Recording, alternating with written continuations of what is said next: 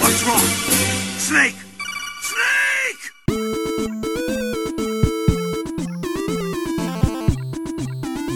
E, Dobry wieczór, bo być może ktoś słucha tego wieczorem na przykład. E, To jest kolejny odcinek Gorących Krzeseł i ma numer, którego nie pamiętam. Czy to jest dziewiąty odcinek, czy coś takiego? 7, 8, 9 chyba, tak mi się wydaje. Zaskoczyłeś, pewnie tak. I to jest wyjątkowy odcinek, bo jest w klasycznym składzie. To jest Gorące Krzesła Rebirth i, y, i więc nagrywamy we trójkę, nie ma oci. Y, Cześć chłopaki, dzień dobry. Cześć. Przywitajcie się. Teraz to jest ten moment, kiedy się witacie i dajecie znać, że żyjecie. Y, Mamy, będziemy mieli odcinek bliskonowy, dlatego że był bliskon teraz i Blizzard powiedział o wielu rzeczach i postaramy się je skomentować. Więc y, to jest nasz główny temat na dziś, ale zanim do niego przejdziemy, przejdziemy do y, gier, które ostatnio ogrywaliśmy, albo nie, albo trochę ogrywaliśmy. I proponuję, żeby zaczął y, Kamil, dlatego że Kamil ma najbardziej nahypowaną grę z naszej trójki i taką, która może interesować ludzi, więc żeby nie wyszli, jak będziemy rozmawiać o jakichś indykach, to zacznijmy od ciebie w takim razie. Dobra, spoko, brzmi dobrze. E, więc ja grałem w Red Dead Redemption 2, żeby nie było. I mam bardzo dziwne nastawienie do tej gry, bo po pierwsze mam takie wrażenie, że to, czy ta gra się komuś spodoba, zależy od tego, e, jak bardzo chętnie słuchałby podcastu nagrywanego przez kowbojów o ich życiu. Bo tak mniej więcej 70% tej gry to są rozmowy kowbojów. Może, może nie 75, może nie 70%, bo tak naprawdę pi- 50% to jest jeżdżenie na koniu i z tego jeszcze kolejnych, kolejna połowa to jest, to jest gadanie. Czy koń też nagrywa swój podcast? Koń jest jak najbardziej tutaj, czy ten jego klip klop, klip klop, klip klop jest jak najbardziej elementem tego podcastu i elementem, elementem klimatu, bo tak naprawdę w tym leży chyba cały sukces tej gry, to znaczy właśnie w tym klimacie, bo wszystko jest po prostu wymuskane, znaczy cały ten świat jest piękny, gdzie nie spojrzysz, widzisz jakiś ładny widoczek, światło zawsze przebija się przez drzewa, tak, by skąpać otoczenie złotym blaskiem. I wszystko się dzieje powoli. Znaczy, niezależnie od tego, jeśli zaczynasz gdzieś misję, to nigdy nie przechodzisz od razu do rzeczy, tylko najpierw musisz pojechać gdzieś e, w jakieś miejsce. A żeby w ogóle dostać tę misję, to musisz najpierw przejechać z miejsca, w którym byłeś prawdopodobnie na drugą stronę planszy, a potem grać się odeśle na jeszcze inną stronę planszy, żeby, e, żeby tam coś zrobić. Więc jeśli ktoś na przykład od razu wywołuje w nim, że ta jazda na koniu przez połowę czasu rozgrywki e, sprawi, że się od tej gry odbije, no to absolutnie nie jest dla niego. I wszystko jest takie powolne. Znaczy nawet w, nawet w momentach, kiedy czy są sceny akcji, są sceny akcji, one są szybkie, ale są nawet takie momenty, kiedy włamuję się do domu. Muszę szybko się gdzieś dostać, e, żeby szybko coś ukraść i uciec stamtąd, zanim ktoś mnie, e, ktoś mnie tam złapie. A Arthur, główny bohater gry, chodzi po domu i otwiera każdą szafkę, tak jakby przyglądał się e, jej wykonaniu i podziwiał jej wykonanie. I dopiero wtedy jak ją otworzy, to wtedy mogę nacisnąć kolejny przycisk, który sprawi, że on ją przeszuka i potem przejść do następnej szafki powolnym krokiem, bo jeśli jestem w domu, to nie mogę biegać, więc powolnym krokiem podejdę do następnej szafki, znów ją otworzę, znów ją przeszukę i, i tego typu rzeczy jest całe mnóstwo, ale e, wrócę do początku, bo ta gra Dla tych, którzy nie wiedzą jeszcze, to jakby nie spotkali się z Red Dead Redemption, czy siedzieli pod kamieniem, no to to jest gra o kowbojach. I to jest gra o kowbojach na krańcu kowbojów. W momencie, kiedy nawet oni sami już wiedzą, że się kończą.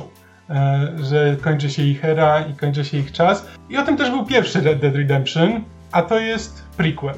E, Więc są dalej od tego końca, ale zdecydowanie więcej o nim mówią i zdecydowanie więcej na, nie, na niego narzekają. E, co jest trochę dziwne. Kiedyś to było, kiedyś to było kowbojowanie, a teraz to, to już nie ma. To już nie jest to samo kowbojowanie, co kiedyś. Tak, ale to jest właśnie, to jest na tyle dziwne, że ja właściwie wciąż nie wiem, o czym jest ta gra. Ja mam przegranych już ładnych kilkanaście godzin, ale nie jestem pewien, o czym to, ta gra opowiada, bo ci bohaterowie głównie tam powtarzają, że ten świat się zmienia i nie ma już w nim miejsca na takich ludzi jak oni, tylko że ty sobie myślisz, że no, no i dobrze, bo to jest po prostu grupa socjopatów. Jakby cała gra dotyczy gangu, e, który jeździ po. Znaczy ucieka w tym momencie. Zaczyna się od tego, że uciekają przed jakąś zwaloną akcją, gdzieś coś próbowali ukraść, dokładnie nie wiemy nawet co się działo, ale coś próbowali zrobić, musieli zacząć uciekać. I poznajemy ich w momencie, kiedy uciekają z jakiegoś miasta. Wszyscy mówią o tym, że bój Boże, jak to wszystko źle, źle się potoczyło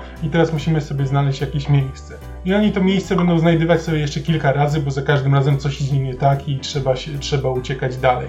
No tylko, że to są to jest po prostu banda socjopatycznych złodziei, lichwiarzy, morderców. E, główny bohater Arthur jakby jest tym wszystkim od urodzenia on jest trochę przedstawiany jako taki zbój o złotym sercu. Znaczy, można nim tak grać, bo gra daje ci czasami możliwości wyboru, ale nawet jeśli, ale z zasady Arthur on jest trochę z boku, on wszystko, zawsze jest neutralny, on jest takim wiedźminem, że to wszystko go nie obchodzi, e, ale jak przyjdzie co do czego, to, e, to zazwyczaj tam komuś pomoże. Ty możesz zdecydować o tym, jak bardzo komuś pomaga.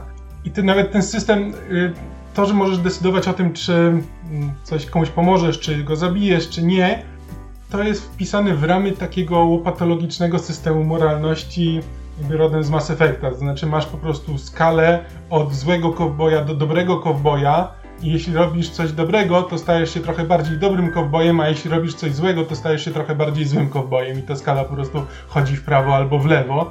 Więc to tylko tak podkreśla te socjopatyczne tendencje tego głównego bohatera, bo to jest takie, no co prawda tutaj napadłem na wóz i zabiłem wszystkich jego właścicieli, ale potem pomogłem damie, która spadła z konia, więc karmicznie jestem na plus. I właściwie nie wiadomo, nie wiadomo co myśleć o tych bohaterach, komu kibicować, właściwie czemu my to oglądamy, bo przez długi czas właściwie nie wiadomo, no oni sobie po prostu żyją i próbują, próbują jakoś przeżyć, ale ale ta gra prawie w ogóle nie ma fabuły. Znaczy to są po prostu poszczególne misje, to są takie rzeczy, że no tutaj mamy robotę, można na tym zarobić, możemy coś ukraść, możemy coś napaść, możemy kogoś zabić i e, w ten sposób będziemy mieli więcej pieniędzy i wtedy będziemy mogli znaczy oni próbują po prostu gdzieś uciec, znaleźć sobie miejsce i e, żeby wszyscy ich zostawili w spokoju. I to jest zawsze rozbija się o to, że żeby to zrobić potrzebujemy pieniędzy. Wiesz, czy mi się to kojarzy, że ci tak przerwę? Ty z tego co pamiętam nie przepadasz za GTA 5, w sensie nie, nie siadła ci. Nie. A wszystko co mówisz w tym momencie bardzo mi się kojarzy z GTA 5. To znaczy GTA 5 ma i bohaterów, którzy są powiedzmy moralnie niejednoznaczni. Jest tam Trevor, który jest psychopatą i i z jakiegoś powodu mamy mu w tej grze kibicować albo przynajmniej powinno nam zależeć, żeby nie zginął, a on tam morduje niewinnych ludzi, dlatego że go zdenerwowali akurat i stracił cierpliwość. E, a z drugiej strony, jakby fabuła GTA 5 jest zbudowana bardziej, jest skonstruowana bardziej jak serial, w sensie bardzo długo grasz, grasz, grasz i tak naprawdę pędzasz czas z tymi postaciami, ale nie, nie bardzo się to układa w jakąś historię. I to się układa w historię całościową dopiero w momencie, jak skończysz grę, tylko ona jest tak rozciągnięta, że bardziej to przypomina sezon serialu, albo nawet kilka sezonów serialu, które mają mm. jakiś story arc, ale głównie spędzasz tam czas z tymi postaciami, bo ich lubisz i jakby poszczególne misje nie pchają jakoś tak bardzo fabuły do przodu. I zastanawiam -hmm. się, mhm. czy ponieważ Red Dead jest y, również grą Rockstara, czy to nie jest coś podobnego w tym stylu, że to bardziej jest jak serial o kowbojach, który w perspektywie tych 200 godzin utworzy jakąś historię całościową, ale jakby siedząc godzinę albo dwie naraz, to w zasadzie fabuła nie jest pchnięta do przodu jakoś szczególnie. Tak, prawdopodobnie tak. Jakby ja to wszystko mówię, no to jest, to jest coś, co ja o czym ja zazwyczaj myślę po tym, jak skończę grę, albo znaczy może nawet w trakcie gry, kiedy jadę na tym koniu i nic się nie dzieje, to sobie myślę o takich rzeczach, ale kiedy ta gra, jakby e, te historie, nawet jeśli one tam się w tym momencie nie łączą w jakąś naprawdę spójną całość, to są interesujące. I ja te postaci rzeczywiście je lubię. Nie jestem w stanie do końca powiedzieć czemu. E, jakby tak technicznie rzecz biorąc, prawdopodobnie nie powinienem większości z nich lubić, ale, ale są dobrze napisane. Są napisane tak, że nawet jeśli są, e, są problematyczne, e, to trudno jednak nie być po ich stronie w jakimś tam stopniu. E, I to wiesz, to też ta, ta taka dziwna moralność to e, dochodzi do tego typu rzeczy, że e, przywódca tego gangu w którymś momencie ktoś go prosi o to, żeby że sugerują, że, żeby chciał, żeby zabił kogoś dla niego. I on mówi, że nie jesteśmy płatnymi mordercami, że, e, że zdarza nam się zabić, ale nigdy z zimną krwią.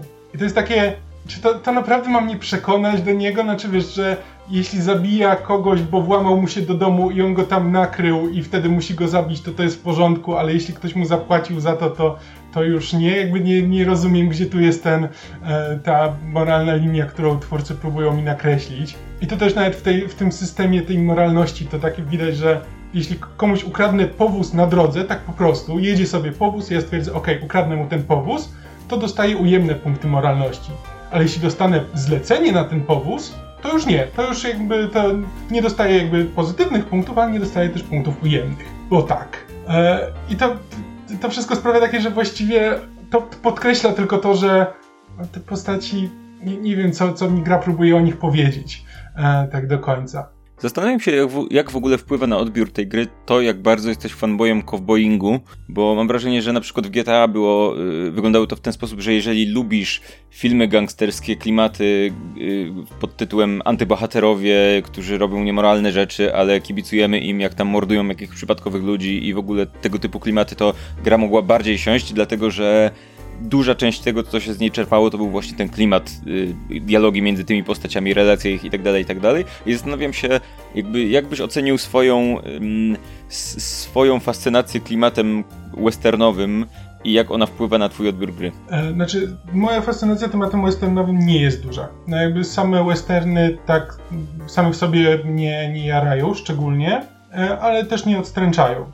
To, czy komuś się będzie podobała ta gra, zależy od tego, czy kreacja świata jest dla niego punktem na plus samo w sobie. Czy to, że ten świat, je, ten świat przedstawiony jest po pierwsze pięknie, pięknie zrobiony, po drugie ze szczegółami, jakby wszystko jest, wszystko jest dopracowane i dopicowane, czy to dla niego już samo w sobie dużo znaczy, czy niekoniecznie. To jest też kwestia tego, czy ktoś czerpie przyjemność z tego, że jest po prostu osadzony w jakimś, w jakimś świecie i chce po prostu być jego częścią, chce poczuć tę imersję w, tym, w ten świat i to, że na przykład właśnie będzie jechał na koniu i po prostu podziwiał przez 10 minut e, piękne widoki, nawet jeśli niewiele się będzie działo, e, czy to, czy to samo w sobie będzie, e, będzie dla niego fajne. Przy czym ja nie do końca jestem taką osobą. Znaczy, ja zauważyłem, że przestałem umieć jarać się fotorealistyczną grafiką. Zdecydowanie bardziej doceniam na przykład ładnie narysowane y, grafiki dwuwymiarowe niż to, że ktoś e, tak jak Rockstar pięknie zrealizował jądra, jądra konia. konia. Tak. I to jest też trochę tak, że no, ja widzę, że ta gra jest śliczna, naprawdę jest świetnie zrobiona. Jakby wszystkie widoki, to, to co mówiłem, twórcy zadbali o to, że gdzie się nie obrócisz, zobaczysz coś ładnego. Tylko, że to też nie do końca na tym polega urok przyrody. Jakby urok przyrody polega na tym, że w większości czasu to ona jest trochę jednostajna, ale momentami zauważysz właśnie ten przebłysk, ten, ten, e, to światło na liściach, które nagle się w jakiś ładny sposób odbija. A kiedy wszystko dookoła ciebie e, mieni się i skrzy, no to w pewnym momencie jakby przestajesz, przestajesz to zauważać. Po prostu e, przestaje, przestaje zwracać uwagę i robić wrażenie.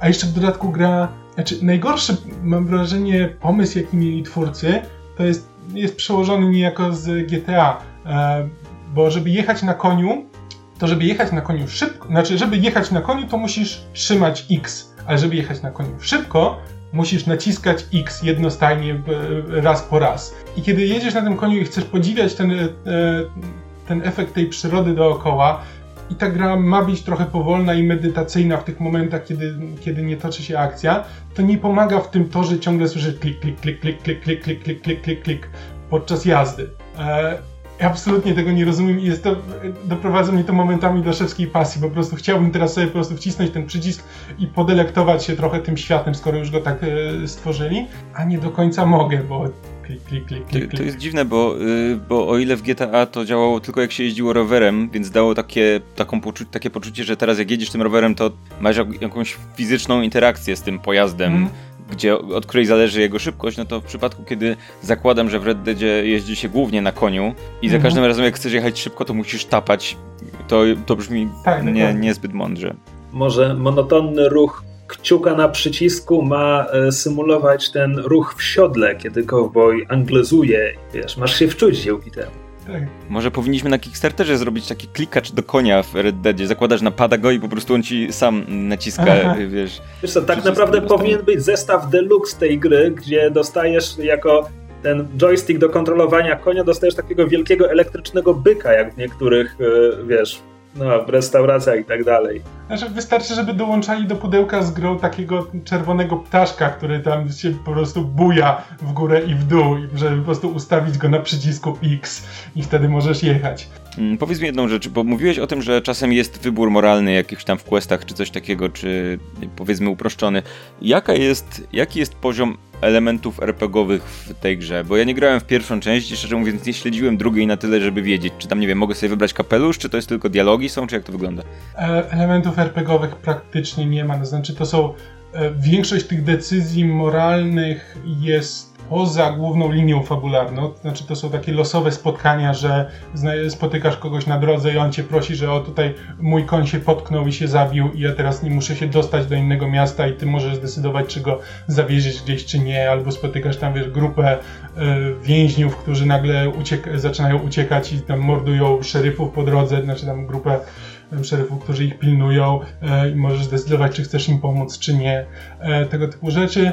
Jest parę Zazwyczaj w pobocznych questach chyba jest, y, możesz podjąć decyzję, czy chcesz komuś pomóc, czy nie, czy chcesz go zignorować, mm, ale nie masz wpływu na główną fabułę. Główna fabuła, przynajmniej jakby na tym etapie, gdzie ja teraz jestem, y, znaczy dla tych, którzy grali w grę, to um, ja jestem już, mam obóz pod Saint-Denis.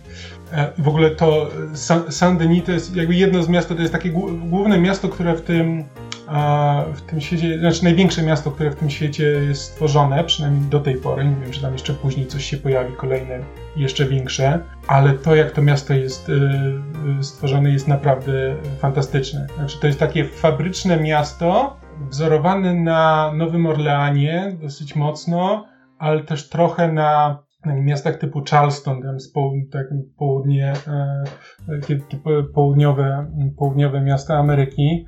To jest coś, co naprawdę robi wrażenie e, i to razem jakby jeszcze przeciwstawione z tymi pustkowiami, przez które wcześniej jeździłeś. Super, świetnie. E, tylko też to, że wszystko jest zrobione, dopracowane z takimi szczegółami i ta gra stara się zachować imersję jakby do tego stopnia, że nawet takie drobne czynności e, nie są tutaj oszukiwane, to znaczy, na przykład gra w ogóle nie oszukuje z koniem, znaczy prawie w ogóle, że jeśli twój konia gdzieś zostawisz i odejdziesz kawałek dalej, to to nie jest takie jak tam w Assassinie czy w Wiedźminie, że w dowolnym miejscu na mapie możesz zagwizdać i ten koń wyjdzie z najbliższego rogu, za najbliższego rogu, e, tylko, e, tylko on musi do ciebie dobiec musi znaleźć drogę do ciebie e, i to prawdopodobnie chwilę potrwa sensie możesz na niego gwiznąć z kilometra, na przykład i on dalej przebiegnie? Czy? Znaczy nie, właśnie jest tam pewna, jest pewna granica, za którą jakby w ogóle gwizdanie na niego nie jest skuteczne, a y, ta, do tej granicy, w której możesz za niego nagwizdać, to on musi i tak znaleźć do ciebie drogę. Więc to po prostu te, tego typu, to są niby drobne rzeczy i to wszystko jest tak, żeby gra bardzo chce, żebyś e, jakby nie wychodził z niej, jakby spoza niej. Znaczy nawet e, masz bardzo ograniczone możliwości e, w, e, fast, fast travela. Znaczy, że możesz, możesz się przemieścić z jednego punktu do drugiego, tylko jeśli jakby z, tylko z określonych punktów, w których jest e, dorożka albo pociąg, i wtedy możesz zapłacić za bilet i pojechać gdzieś i wtedy gra tam cię przeskoczy do najbliższego miasta, ale to jest kilka dosłownie mie miejsc na całej mapie i poza tym ze swojego obozu możesz, e, możesz e, się przerodzić, ale nie, możesz, nie masz na przykład tak jak w, nie, w niektórych grach, że z dowolnego punktu na mapie możesz sobie po prostu kliknąć, że teraz chcę być tu, e, te, te, te, tego typu opcji nie ma. Zawsze musisz gdzieś pojechać i dopiero wtedy się pojawia opcja, żeby przeskoczyć gdzieś indziej. Więc ta gra bardzo chce, żebyś jakby był w tym świecie cały czas. No właśnie, bo chciałem zapytać, bo gra jest piękna, świat jest wielki i chciałem zapytać, czy te minuty spełzone na patrzeniu na światło przebyskujące przez listowie i ta kontemplacja końskiego zadu, kiedy, cię, kiedy jedziesz, czy to cię wciąga, czy to cię nudzi? No to jest właśnie ta kwestia, że nie jestem w stanie do końca powiedzieć, bo są. Na początku mnie nudziło. E, na początku jakby nie byłem do końca nastawiony na e, jakby do tego stopnia, że, że gra będzie o tyle wymagała ode mnie tak dużo tej medytacji nad tym, jaka jest piękna. więc trochę się, e, trochę się denerwowałem. Jak, jak już to minęło, to po prostu jakby się nastawiałem na to, że okej, okay, że jeśli chcę pograć w tę grę, muszę się nastawić na to, że, e, że trochę na początku się wyciszę, potem będzie chwila akcji, potem znowu wyciszenie i jakby ten, e, to tempo tej gry jakby wchodzi, e, wchodzi jakby naturalnie w krew. Tylko, że trzeba się do tego przyzwyczaić, jeśli ktoś nie był na to nastawiony. Ale absolutnie można się do tego przyzwyczaić. Znaczy, kiedy już jakby stwierdziłem, że okej, okay, o tym jest ta gra i tego ode mnie wymaga, to okej, okay, jestem w stanie i jakby daje ci na tyle dużo, że że to nie jest denerwujące, nie jest frustrujące, tylko rzeczywiście można, można tam usiąść i po prostu, że teraz to jest czas dla mnie i, i dla konia i tyle. Ja czytałem coś takiego na reddicie e, Assassin's Creedowym, że ktoś siadł do Red Dead Redemption bezpośrednio po Odyssey i stwierdził, że jakby ta różnica tempa jest, wtedy dopiero go uderzyła tak naprawdę, że mhm. nagle grając w Red Dead miał wrażenie, że tam nic nie ma i pacing tej gry jest jedną dziesiątą tego, co się dzieje w e, Odyssey ja przypominam, że Odyssey jest grą, która bardzo długo się rozwija fabularnie i jak na, nawet jak na Assassin's Creed. Więc wynika z tego chyba, że y, tak to odbieram, to co mówisz, że ogólnie to polecasz, ale trzeba się, y, trzeba zaakceptować to, że to jest gra, która ma, która się nie spieszy i która jest najlepiej będzie działać prawdopodobnie dla ludzi, którzy lubią klimat ciągnących się włoskich westernów i tak dalej, i tak dalej. Tak, i trzeba też zaakceptować, że to nie jest bardzo interaktywna gra. Znaczy, Rockstar zdecydowanie chce tworzyć filmy i wszystko jest wyreżyserowane. Znaczy, tak jak mówiłem na początku, nie ma żadnych wyborów RPGowych, więc to, to w ogóle odpada. I nawet i są takie scenki, kiedy gra ci oddaje trochę kontroli. Jest fantastyczna scena, e, kiedy idziesz na popijawę w salonie. Po prostu ktoś z obozu zabiera cię do salonu, żeby się napić. E, I tam masz co chwila e, parę scenek takich po prostu nieinteraktywnych, kiedy dzieją się różne rzeczy, ludzie piją, śmieją się e, i tak dalej. Potem gra ci przechodzi, kiedy jesteś pijany i chodzisz, musisz chodzić po salonie i naciskać przycisk, żeby nawoływać swojego kolegę i musisz go znaleźć w tym salonie i wtedy, i wtedy gra ci... Czyli kolega ma na imię Jason? Nie, Lenny. No. Jest, czy jest Press X to Lenny?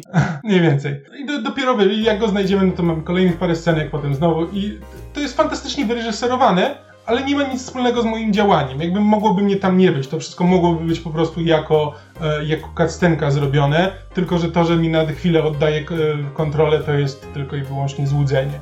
Jakby polecam tylko, że z tymi, z tymi, e, z tym zastrzeżeniem, że trzeba mieć bardzo konkretne nastawienie do tej gry i trochę jej wybaczyć. Okej, okay, to ja teraz pozwolę sobie powiedzieć kilka słów o grze, która nie ma, nie ma powolnego tempa. I to jest gra, mhm. która nazywa się Hero Siege i kupiłem ją tylko dlatego, że była na promocji na Steamie, a kiedyś ją sobie zapisałem na liście jako gra do koopowego grania y, i strzelania do potworów wieczorem po pijaku ze znajomymi. I hmm. była teraz na promocji 80% na Steamie bodajże i ja dodatkowo kupiłem ją w czteropaku, więc efekt był taki, że zapłaciłem za jedną sztukę gry zapłaciłem, zapłaciłem 3 zł i 30 groszy mniej więcej, mm, ale z tą ceną tej gry jest bardzo dziwnie, bo aż sobie zapisałem, ona jest dostępna na Androida, na iOS-a i na y, komputery y, z Windowsem i Maci. I w wersji na iOS-a i Androida kosztuje normalnie 42 zł. Przypominam, że kupiłem za 3,30. Y, ale teraz na Androida w tym momencie, jak to nagrywamy, nie wiem jak długo jest na jakiejś promocji za 11 zł, a normalnie na wersji PC kosztuje 21 zł, no i w tej promocji, w której ja kupiłem, to były 3 zł. I powiedziałbym, że to 21 zł to jest taka w porządku cena za to, co ta gra mi daje. Nie wiem, czy bym zapłacił za nią w wersji mobilnej, nawet w perspektywie grania na, na tablecie. Nie wiem, czy zapłaciłbym 40 zł za grę na, y, na tablet. W każdym razie, co to jest? Y, to jest, y, to jest indyk i najprościej jakbym mógł to opisać, to powiedziałbym, że to jest Diablo, tylko takie bardziej coś pomiędzy Diablo 1 a 2, ale w stylistyce w mrocznej stylistyce klasycznych Pokémonów. W sensie to jest taka pikselkowa grafika widziana od góry, małe ludziki jak w Pokémonach na Game Boyu i dodatkowo y, generowane losowo plansze, y, bo to jest trochę roguelike, taki powiedzmy, ale to bardziej przypomina to schodzenie w głąb w, w Diablo. W sensie dos mamy dosłownie akty nawet.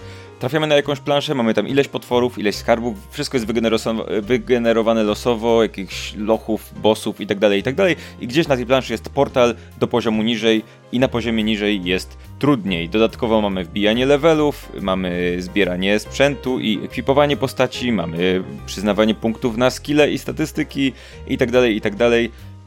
więc jest to bardzo, bardzo diablowe. Są, jest miejski portal, jest zbieranie portali i tak dalej, więc y, żeby można było wrócić do miasta, nawet miasto przypomina bardzo mocno Tristram z pierwszej części Diablo i nawet jest tam taki typ, który tam identyfikuje przedmioty czy coś, który wygląda jak Kane, więc to ta gra jakby bezwstydnie kopiuje Diablo na bardzo wielu poziomach. Mm, przy tym y, ma też, są też y, klasy postaci, jest ich znacznie więcej, w sensie, nie pamiętam dokładnie, ale jest tam sporo, chyba kilkanaście klas postaci do wyboru i z tego co wiem, nie miałem jeszcze okazji, ale z tego co wiem, to gra znacznie lepiej sprawdza się online'owo niż, yy, niż yy, samemu, jak się gra. Przy tym, jak się w nią gra samemu, to to już jest bardzo fajne. W sensie naprawdę dobrze się bawię i naprawdę nie mogę się oderwać, bo to jest taka gra, w którą można teoretycznie wskoczyć i pograć 10 minut, ale to 10 minut bardzo szybko przemienia się w pół godziny bo po prostu przyjemnie się gra. I to, że tam są rozłożone te skrzyneczki, złote skrzyneczki, do otwarcia złotych skrzynek trzeba znaleźć złoty klucz i tak dalej, i tak dalej, daje taki bardzo fajny vibe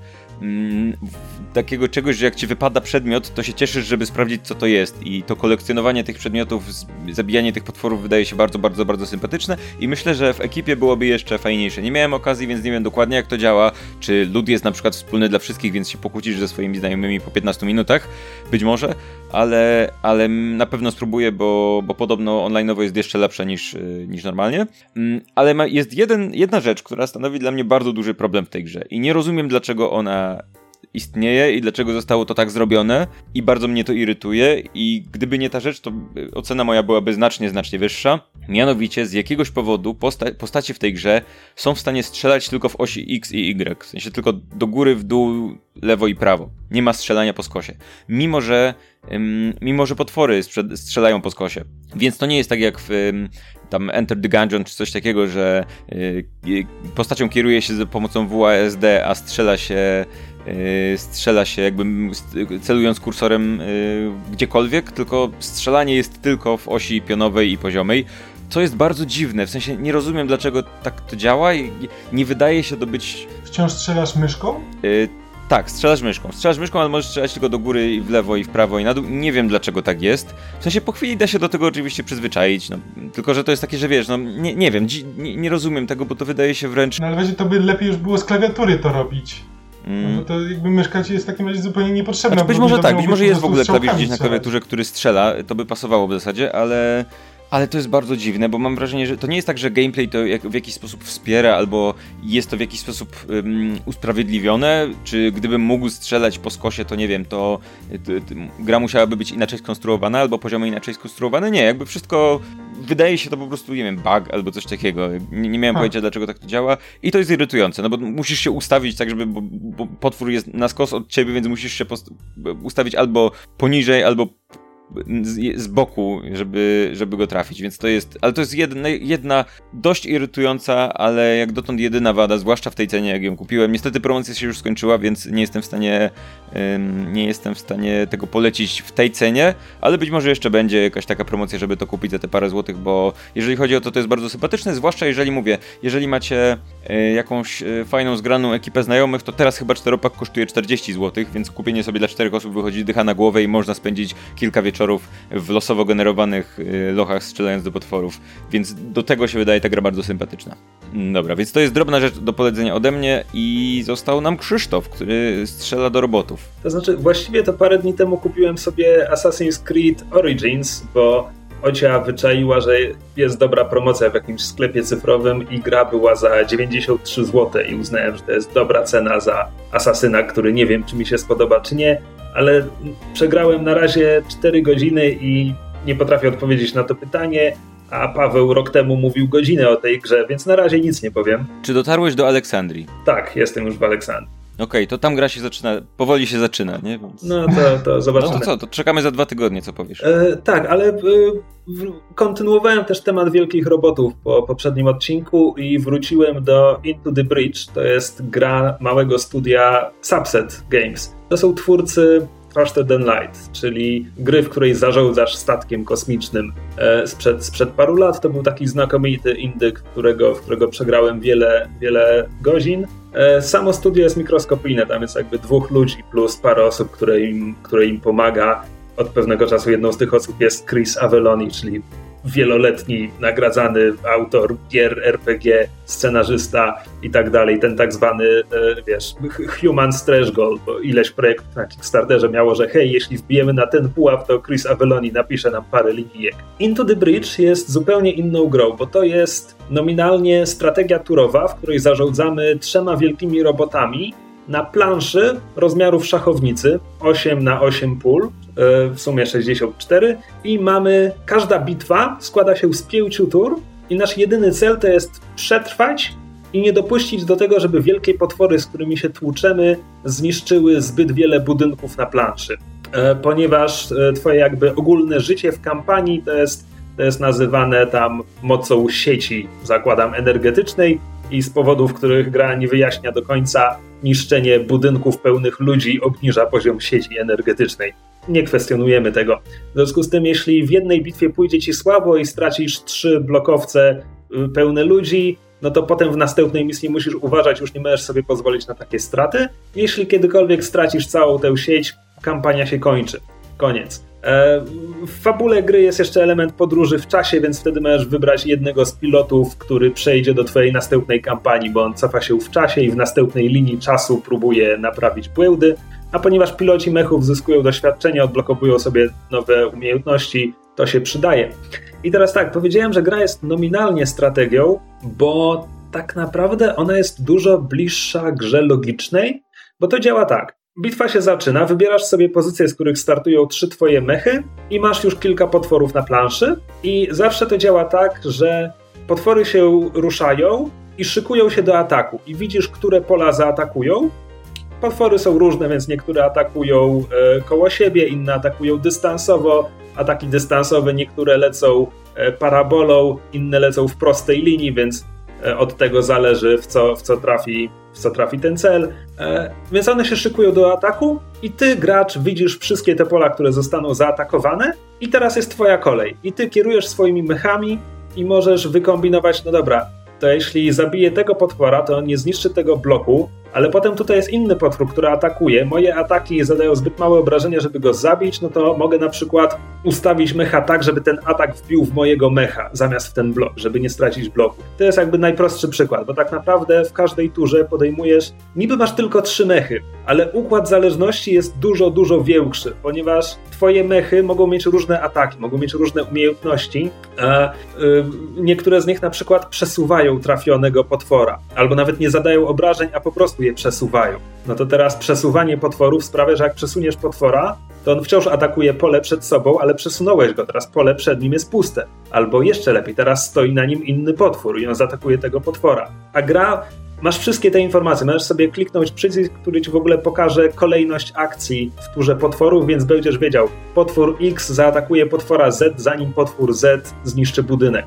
Możesz sobie to wszystko przygotować w głowie. E, plus możesz, możesz swobodnie ruszać swoje mechy. E, zawsze możesz cofnąć ruch. Dopiero kiedy po ruchu zaatakujesz jakimś mechem, to to jakby już blokuje tę jego akcję na tę turę. Więc możesz tam najpierw je porozstawiać po planszy 15 razy i dopiero jak wpadniesz na na te, ten plan, który tak, to, to załatwia wszystkie moje problemy, dopiero wtedy zaczynasz atakować, to jest twoja tura. E, jeśli coś zrobisz, to jeszcze raz na walkę możesz po prostu cofnąć swoją turę do początku, już nawet jeśli, jeśli mechy zaatakowały. E, więc to jest gra, w której z jednej strony dysponujesz wszystkimi informacjami co do tego, co zrobią potwory w tej turze. Jedyne, czego nie wiesz, to to, jeśli nie zabijesz potwora, jak on się ruszy w następnej turze. Ale jakby w tej turze dokładnie wiesz, on zaatakuje te pola, zada tyle obrażeń, więc możesz sobie wszystko wyliczyć, jak to zrobić, żeby przejść przez tę turę, czy przez całą walkę z jak najmniejszymi stratami. I dlatego to jest w gruncie rzeczy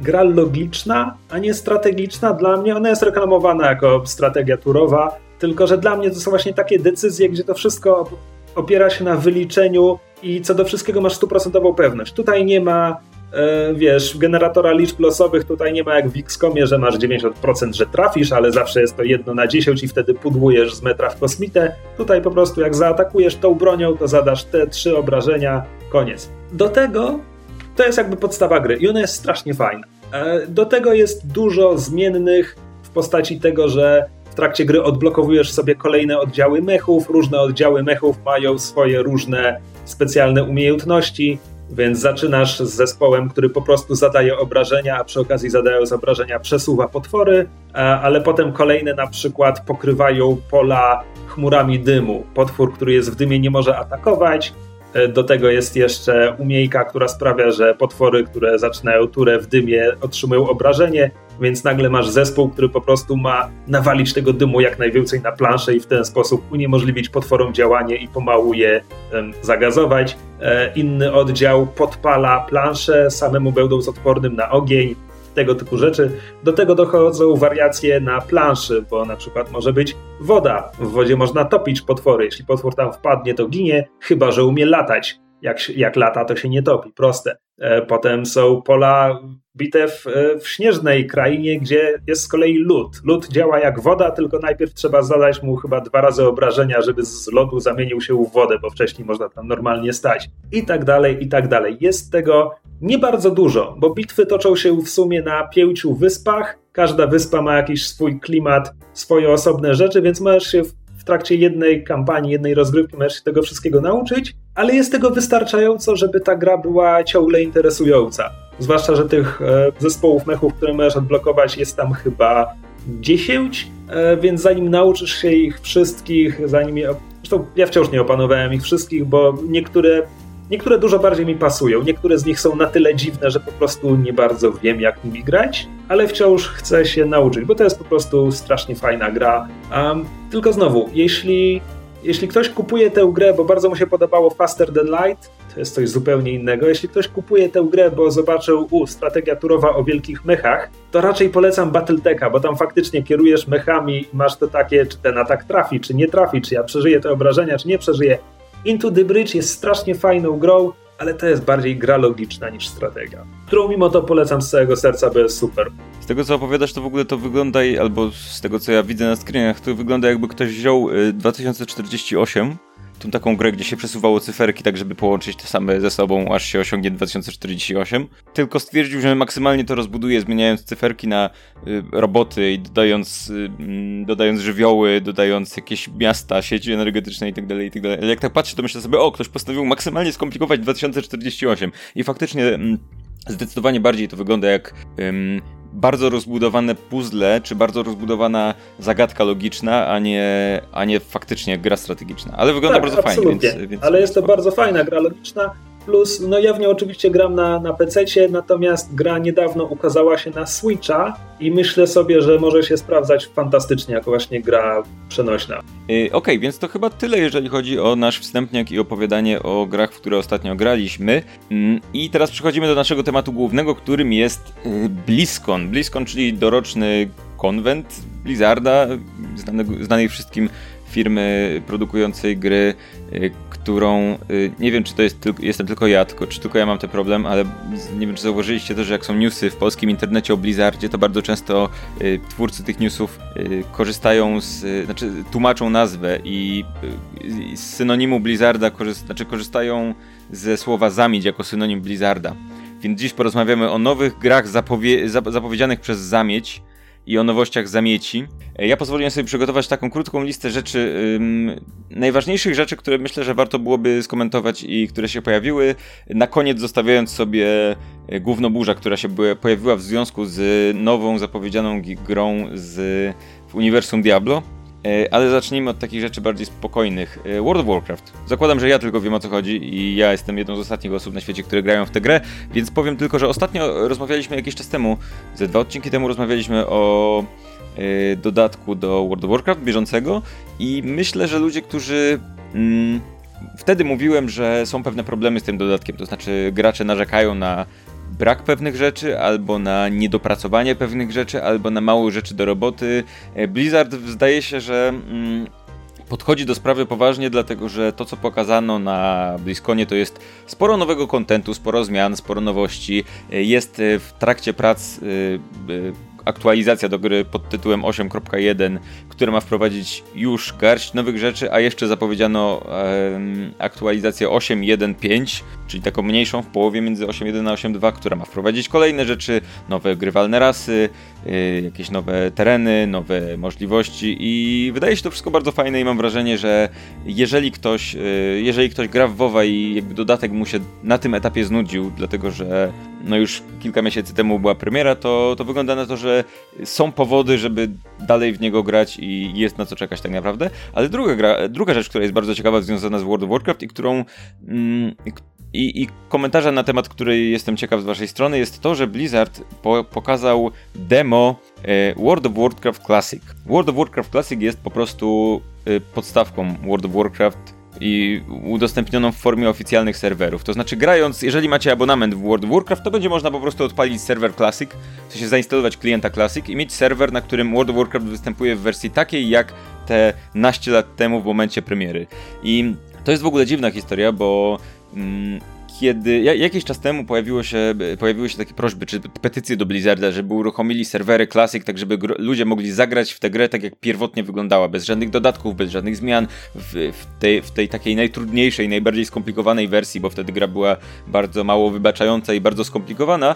I Blizzard wtedy powiedział um, ustami swojego dyrektora, obecnie prezesa, w sensie od, od kilku tygodni, e, powiedział, że to jest nostalgia i nostalgia działa tak, że wam się wydaje, że wy tego chcecie, ale my wiemy, że tak naprawdę wy tego nie chcecie. Ale potem się pojawiła taka afera, że ktoś zrobił w internecie serwer, y, nieoficjalny serwer klasikowy, gdzie ludzie mogli grać y, w podstawową wersję gry i on miał jakieś miliony graczy w ogóle. Się okazało, że nagle ludzie chcieli w to grać. Tylko, że co istotne, to był serwer nieoficjalny, więc tam grało się za darmo.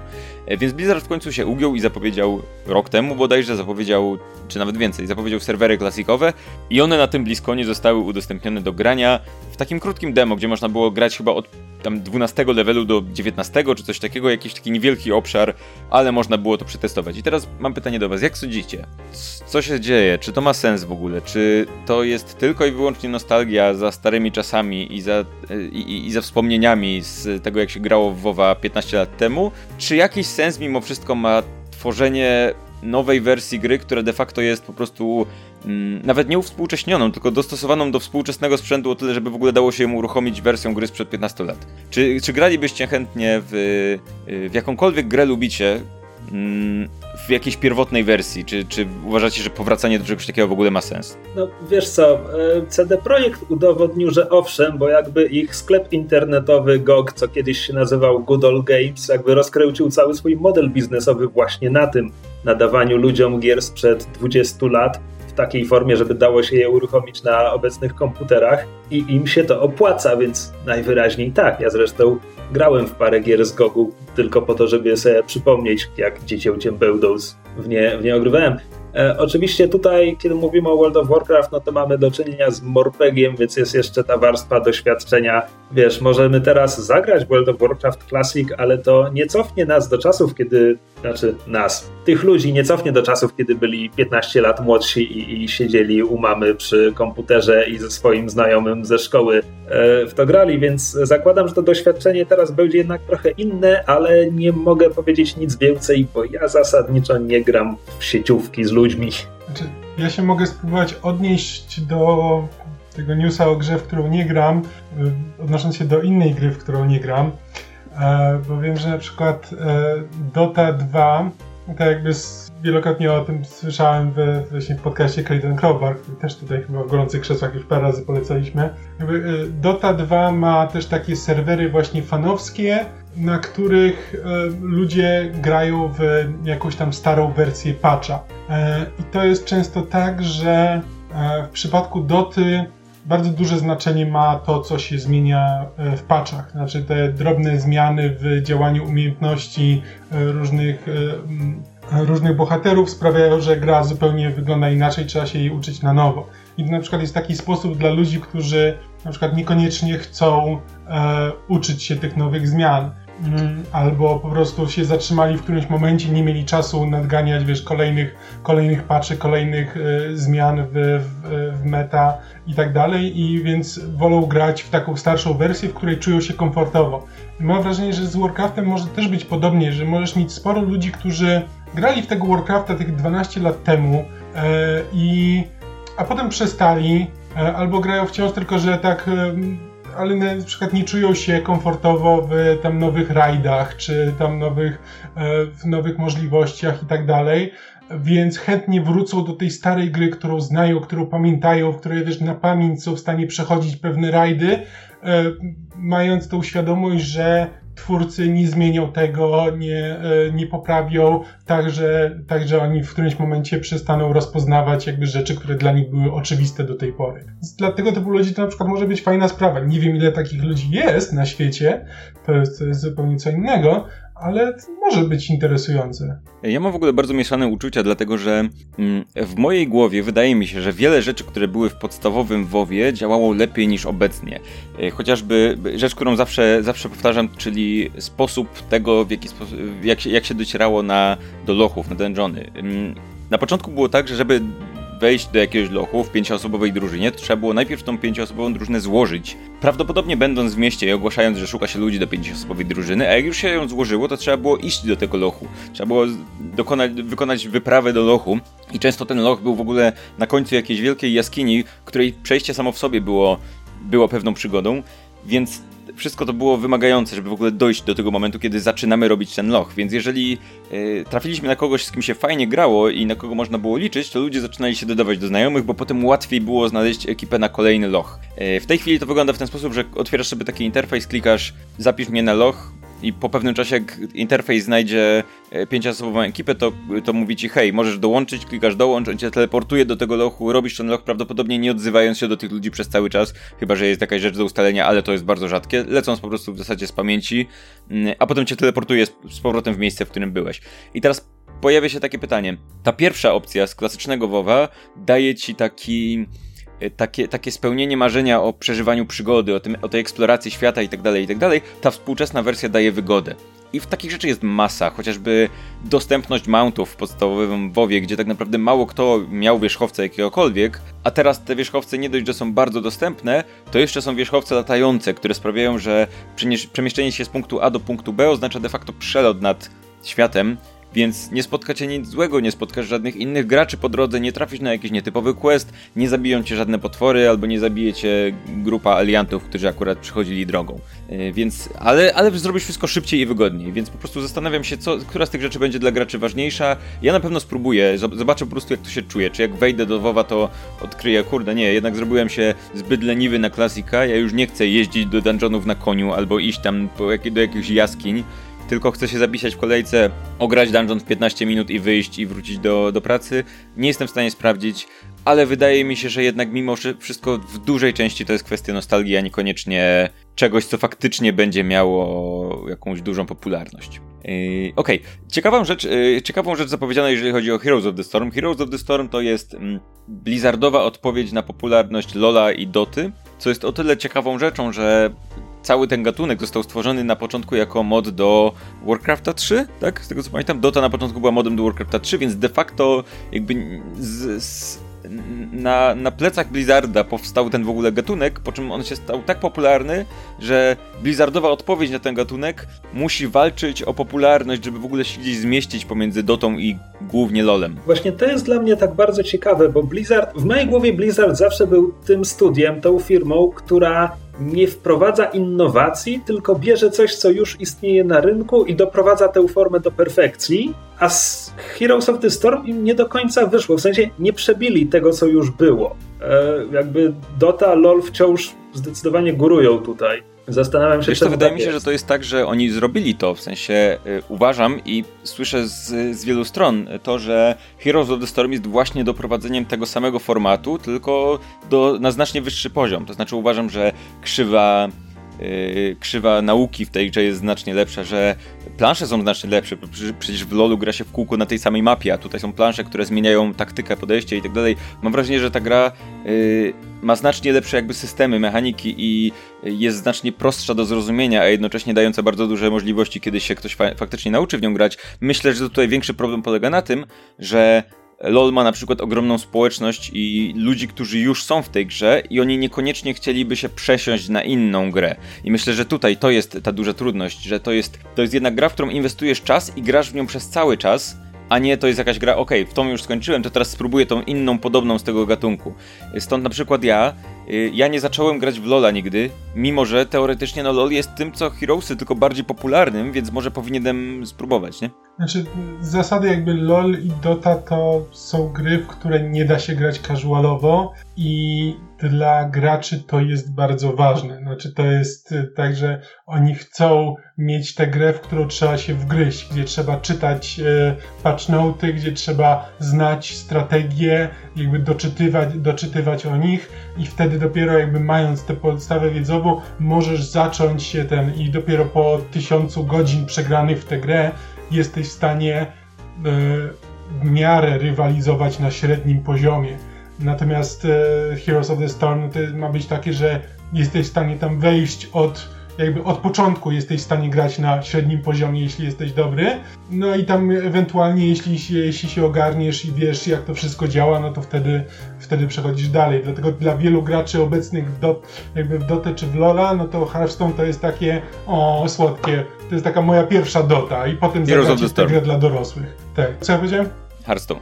Yy, I teraz w ogóle jest ciekawa rzecz a propos tego, a propos tej dyskusji, bo przez pewien czas było tak, bardzo wyraźne było to, że Blizzard próbował promować Heroes of the Storm swoimi grami. To znaczy na początku, yy, to oczywiście od początku to była gra, w której byli bohaterowie innych gier Blizzarda, ale na początku na przykład plansze były takimi generycznymi, wiesz, była plansza piracka na przykład, nie związana z żadną konkretną grą, albo plansza tam, nie wiem, Mroczny Las, albo tam plansza ze smokiem i tak dalej, i tak dalej. One były, nie były, yy, była, była plansza w egipskim klimacie, one nie były związane z żadnym ze światów Blizzarda, po prostu były tam postacie z Blizzarda na jakichś takich różnych generycznych światach. Ale potem zdecydowanie wyglądało to tak, jakby oni chcieli ściągnąć fanbazę swoich gier do, tej, do, do Heroes of the Storm, tworząc na przykład mapy yy, w klimacie Diablo albo mapy w klimacie StarCrafta.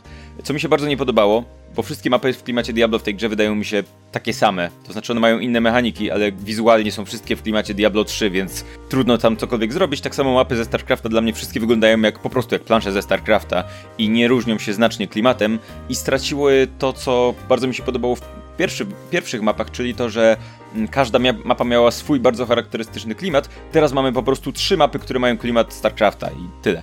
Ale Wygląda na to, że im to nie wyszło i że planują jakiś odwrót, dlatego że dostaliśmy na blisko nie pierwszą postać, która nie jest mm, w ogóle z gry Blizzarda. To znaczy Blizzard jakiś czas temu zapowiedział, że będzie tworzyć własny lore wewnątrz świata Heroes of the Storm, który to świat jest jakimś takim multiversum, gdzie istnieją mroczni bogowie, którzy ściągają bohaterów z różnych innych rzeczywistości po to, żeby zmuszać ich do wa wiecznej walki na jakichś polach bitwy i tak dalej, i tak. I teraz wygląda na to, że zaczynamy dostawać ten lore w postaci pierwszej postaci, w postaci pierwszej postaci, tak bardzo ładnie. Mamy pierwszą postać, która nazywa się Orphea i jest niezwiązana, y, jest postacią oryginalną, niezwiązaną do tej pory z żadną z gier Blizzarda i jest to białowłosa nastolatka nosząca sarkofag na plecach i z tego sarkofagu wychodzi jakiś dziwny symbiont, który wygląda jak Venom z filmu o Venomie, łącznie z tym, że ma takie, takie ząbki i na takim czymś wychodzi i, i gada do niej czy cokolwiek. I ta postać wygląda bardzo dziwnie. nie ma sensu tak naprawdę opowiadać o niej, bo jeżeli ktoś gra w Heroes of the Storm, to prawdopodobnie widział gameplay, a jeżeli nie, to nie ma sensu opowiadać o gameplayu gry, w którą nie graliście, yy, w kontekście jakiejś konkretnej postaci. Ale wydaje mi się to ciekawe, że najwyraźniej Blizzard idzie w kierunku tego, żeby usamodzielnić trochę Heroes of the Storm i nie ograniczać targetu tej gry do fanów swoich innych produkcji, co wydaje mi się tak naprawdę bardzo rozsądną opcją, bo myślę, że jest sporo ludzi, którzy nie grają w. nie, nie mają żadnych uczuć w stosunku do Warcrafta, Diablo czy Starcrafta i to, że występują tam postaci z tych gier, nie jest dla nich y, czymś, co przyciąga do Heroes of the Storm, a wręcz może być czymś, co ich odrzuca, no bo hej, nie znam tych postaci, nic mi to nie mówi, yy, więc, więc chyba spoko. Czy macie jakieś przemyślenia na ten temat, czy, czy lecimy dalej? Nie, nie, bardzo. W Heroes of the Storm próbowałem chwilę zagrać, ale stwierdziłem, że to nie jest dla mnie, więc nie bardzo mogę się tutaj wypowiadać. A czy, powiedz mi tak, w takim razie, jako osoba, która nie gra, czy fakt, że są tam bohaterowie Blizzarda jest dla ciebie czymś, co cię przyciąga do tej gry, czy, czy jakby jest ci to zupełnie obojętne? Nie, szczególnie. Znaczy, ja też nigdy nie byłem jakimś zatwardziałym fanem którejkolwiek z gry Blizzarda. Jakby wszystkie lubię w miarę, ale nie mam takiej jednej gry, wiesz, nie, nie, nie grałem w World of Warcraft e, mhm. z, praktycznie, bo, znaczy trochę tam chwilę pograłem, ale nigdy, nigdy nie byłem wielkim fanem. W Diablo sobie grywam, ale to jest dla mnie takie pykadło na wolne chwile, więc jakby nie mam takiej gry Blizzarda, która by była dla mnie, wiesz, całym światem, tak dla, dla niektórych potrafi to być praktycznie jedyna gra, w którą grają, nie wiem, czy to będzie StarCraft, czy Warcraft, czy World of Warcraft i tak dalej, to może być jedyna gra po prostu dla nich. Dla mnie nigdy te, się aż tak w to nie wkręciłem, więc jakby to, że to są te postaci, ja większości z nich nie kojarzę. Znaczy wiesz, dla mnie to są, wiesz, no kojarzę, że tam jest Jim Raynor, ale nie mam, nie mam żadnego emocjonalnego e, żadnej emocjonalnej więzi z tą postacią i nawet nie wiem jak wygląda, poza tym, że wiem, że jest i coś tam kiedyś grałem tego StarCrafta i kojarzę to, nie wiem jak wyglądała jego historia, więc to, że on jest w tej grze, to równie dobrze mógłby być, być tam losowy Space Marine i tyle. Ciekawy jestem, jak to wyjdzie, bo ja bardzo lubię Heroes of the Storm i bardzo kibicuję, żeby ta gra była bardziej popularna. Yy, nie, żeby to jakoś bardzo wpływało na granie na co dzień, bo jakby jest na tyle graczy, że można w nią spokojnie grać, ale, ale myślę, że jeżeli to przyciągnie nowych graczy, to może, możemy tylko na tym zyskać. Yy, dobra, lećmy dalej, żeby nie marnować zbyt wiele czasu. Yy, dwa newsy z Overwatcha. Jednym z, newsem, z newsów w Overwatchu jest to, że będziemy mieli płatki śniadaniowe Overwatch. Uznałem, że powinniście Jej, no to wszyscy wiedzieć. czekali. Mam nadzieję, że będą dostępne w Polsce. I drugą rzeczą jest pokazanie nowej postaci, albo kilku wręcz nowych postaci, bo y, dostaliśmy jeden teaser kobiety, robota, która ma imię, ale nie pamiętam go, ma być w przyszłości postacią, ale dostaliśmy nową postać, którą jest Ashe e, i której asystentem, kumplem czy cokolwiek jest Bob. Bob wygrywa tę krótkometrażówkę. I która, co jest bardzo istotne, jej fryzurą jest również Bob. W sensie ma Boba asymetrycznego, czyli e, więc jest Bob i Bob. E, więc Bob jest Bob. lepszy od Ashe. W sensie Ashe jest cowgirl z białymi włosami i strzelbą, whatever, ale jest Bob, robot w meloniku i z wąsem. Yy, więc, Płaci się smarem. Yy, super, tak, no, no tak, więc yy, fantastycznie. Nie wiem, czy macie jakieś coś do powiedzenia na ten temat, poza tym, że Bob jest super? To znaczy, Ashe ma tę jedną zaletę, że głos podkłada Jennifer Hale, czyli żeńska Commander Shepard i wiele różnych ról w serialach animowanych, więc można, można posłuchać. Okej. Okay. I ostatni news takich mniejszych pod tytułem Warcraft 3 Reforged, czyli mm, nazwa dla remasteru World of Warcraft. E, przepraszam, dla remasteru Warcrafta 3 który wygląda identycznie jak Warcraft 3, tylko ze zdecydowanie poprawioną grafiką. Dostaliśmy jakiś czas temu remaster StarCrafta, który polegał w zasadzie tylko i wyłącznie na tym, że tekstury były, znaczy obrazki były w wyższej rozdzielczości. Jak odpaliłem StarCraft Remastered po raz pierwszy, to miałem wrażenie, że mi się odpaliła klasyczna wersja, bo jakby launcher jest ten sam, po prostu się update'uje się grę yy, i niewiele się różnił, a z Warcraftem 3 Reforged już zdecydowanie widać yy, różnicę, widać, że to jest mm, mocno przerobiona gra Y, jakby to, jak, jak, jak bardzo y, skomplikowały się modele postaci jest naprawdę jakby, różnica jest niesamowita. Przy tym gra nadal utrzymuje poziom, powiedzmy, graficzny poziom, powiedzmy, StarCrafta 2, czyli jakby nie jest to coś, co opa- szczena, powoduje, powoduje opad szczeny, ale, ale zdecydowanie wygląda spoko. Więc pytanie do was, czy wy macie jakiekolwiek uczucia związane z Warcraftem 3, czy graliście w Warcrafta 3, czy cieszycie się, że dostaniemy e, remasterowaną wersję Warcrafta 3 w 4K i w e, wiele, dużej ilości poligonów? To jest śmieszna sprawa, bo ja tutaj tak cicho siedzę i dotąd nie chciałem się przyznawać, że praktycznie jedyne gry Blizzarda, w które grałem to Warcraft drugi, StarCraft i Warcraft trzeci więc oryginalny Warcraft 3 jest praktycznie rzecz biorąc ostatnią grą Blizzarda, w jaką grałem. I jak zobaczyłem ten zwiastun, to w sumie to mi e, powróciło wiele całkiem miłych wspomnień i tak nawet zacząłem się zastanawiać, że kurczę, a może. E, więc nie wiem, może. Znaczy, ja nie może, ale na pewno, e, ponieważ jest jakiś czas temu e, wróciłem nawet do Warcrafta 3, bo właśnie naszło mnie coś takiego, że a może sobie spróbuję, zobaczę jak to jest. I ta gra się wcale nie zestarzała bardzo. E, znaczy już, już w tej swojej klasycznej wersji jest, jest bardzo dobra i wciąż, wciąż robi wiele, wiele ciekawych rzeczy. Ja w to grałem tak, żeby się trochę e, wkręcić w świat, zobaczyć, zobaczyć jak to tam wyglądało, sobie trochę przypomnieć. E, I jakby zostałem i tam grałem, grałem ten dłuższy czas. Potem przerwałem, ale ale bardzo chętnie jak ten Reforged wyjdzie, to na pewno dam mu szansę i chętnie, e, szczególnie, że akurat, nie wiem, świat Warcrafta był tym, który mnie w sumie chyba najbardziej interesował, bo jakby Sanctuary w ogóle, lore Sanctuary e, tak kompletnie mnie nie obchodzi, co się dzieje w Diablo i ten, co, co, co e, kto jest kim, w ogóle nie kojarzę i nawet nie chcę kojarzyć. StarCraft StarCraft w tym momencie pogodziłem się, że nigdy nie będę wiedział o co tam chodzi. To jest po prostu, to, to jest za dużo, a jakoś Warcraft to jest to, z czym miałem najwięcej styczności, więc są pewne rzeczy, które, które mniej więcej kojarzę i które będzie łatwo, łatwo mi będzie nadgonić, więc chętnie, chętnie spróbuję jeszcze raz. W ogóle ciekawe jest to, co mówisz, bo ja ostatnio jakiś czas temu graliśmy w Diablo 2 yy, i o ile fabuła Diablo 3 jest głupia, po prostu jest głupia. W sensie tam ludzie podejmują głupie decyzje, absurdalnie głupie. Jakby mógłbym zrobić o tym długi rant, jak, jak bardzo ludzie tam robią głupie rzeczy tylko po to, żeby fabuła szła do przodu. Bez żadnego powodu. Jest, jest idiotyczna po prostu.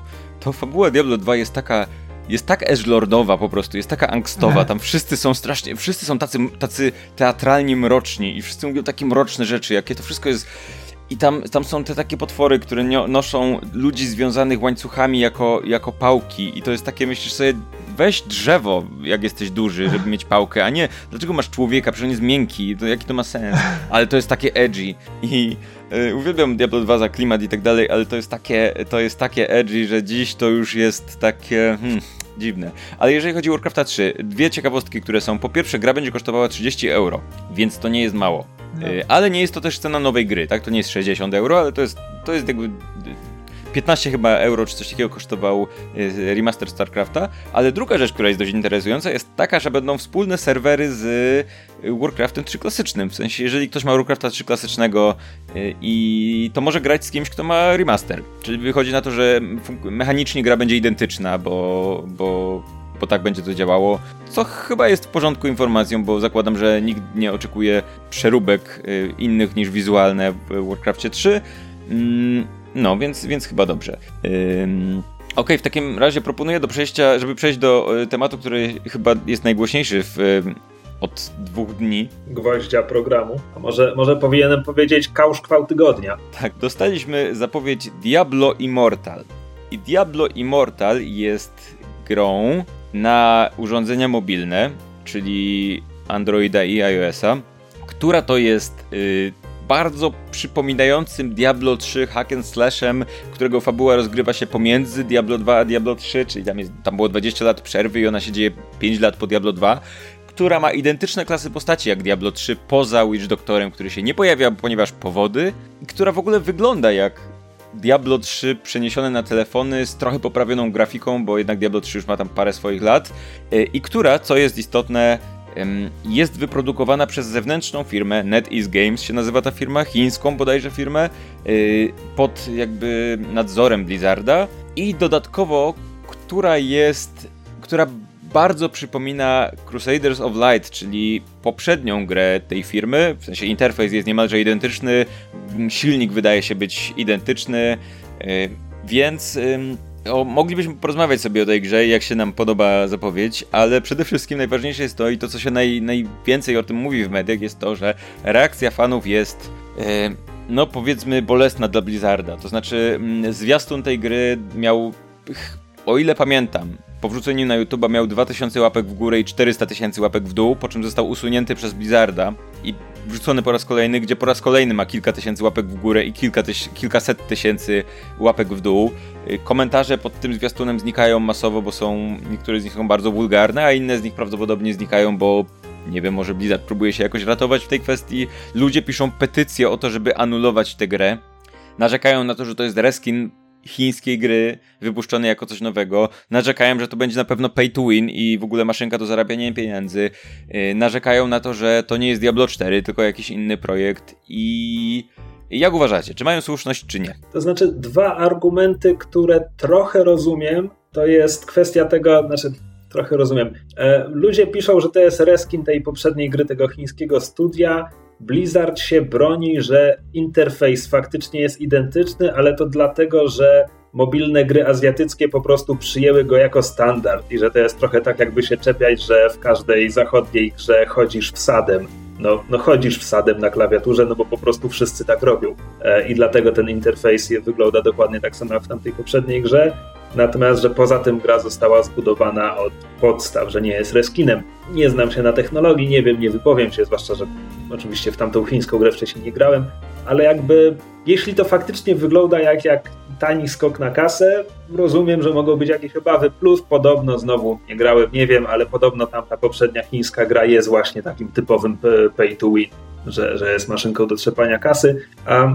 No a Blizzard jakby wiele gier Blizzarda opiera się na tej formule tej klatki Skinnera i tak dalej, klikaniu aż wypadnie fajna rzecz, więc jeśli tam będzie opcja hej, zapłać, a fajna rzecz wypadnie szybciej, rozumiem tę obawę trochę. E, to jest jedno i drugie mi uleciało z głowy, więc ktoś inny, a ja sobie przypomnę. Tak, ja bym po pierwsze oddzielił dwie sprawy, bo jest jakby grupa ludzi, którzy moim zdaniem mają pełne prawo do tego, żeby e, być oburzeni i to są ludzie, którzy kupili bilety na BlizzCon, e, jakby z, bo Blizzard obiecywał, znaczy na początku obiecywał, że będzie coś dużego, potem zaczął się wycofywać z tego, że nie, no, oczywiście nie będzie nic bardzo dużego, że będziemy mieli tam jakieś informacje, nic bardzo dużego, ale to było tam na dwa tygodnie przed BlizzConem, kiedy kto tam chciał, to sobie kupił bilety, jakby obiecywanie, że będzie coś dużego, a potem e, pokazywanie gry mobilnej, jakby rozumiem, że to jakby Blizzard powinien był sobie zdawać sprawę, że jednak fani Diablo to dla przeciwnego fana Diablo to nie będzie e, taka zapowiedź, dla której za, na przykład uzasadni tą cenę tego biletu. Więc no, w pewnym stopniu to rozumiem.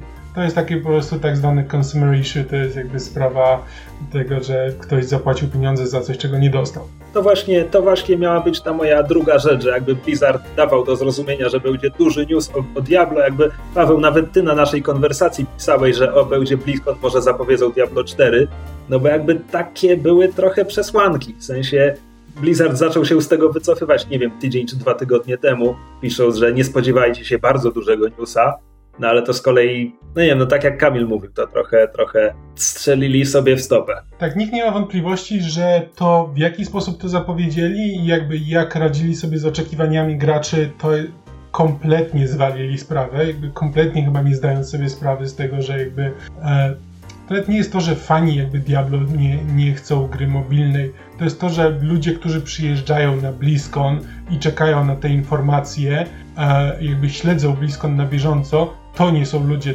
którym możesz sprzedać grę mobilną jako, e, jako wielką zapowiedź. Przy czym, no, ale to, czym będzie sama gra, no to to już jest oddzielna kwestia zupełnie.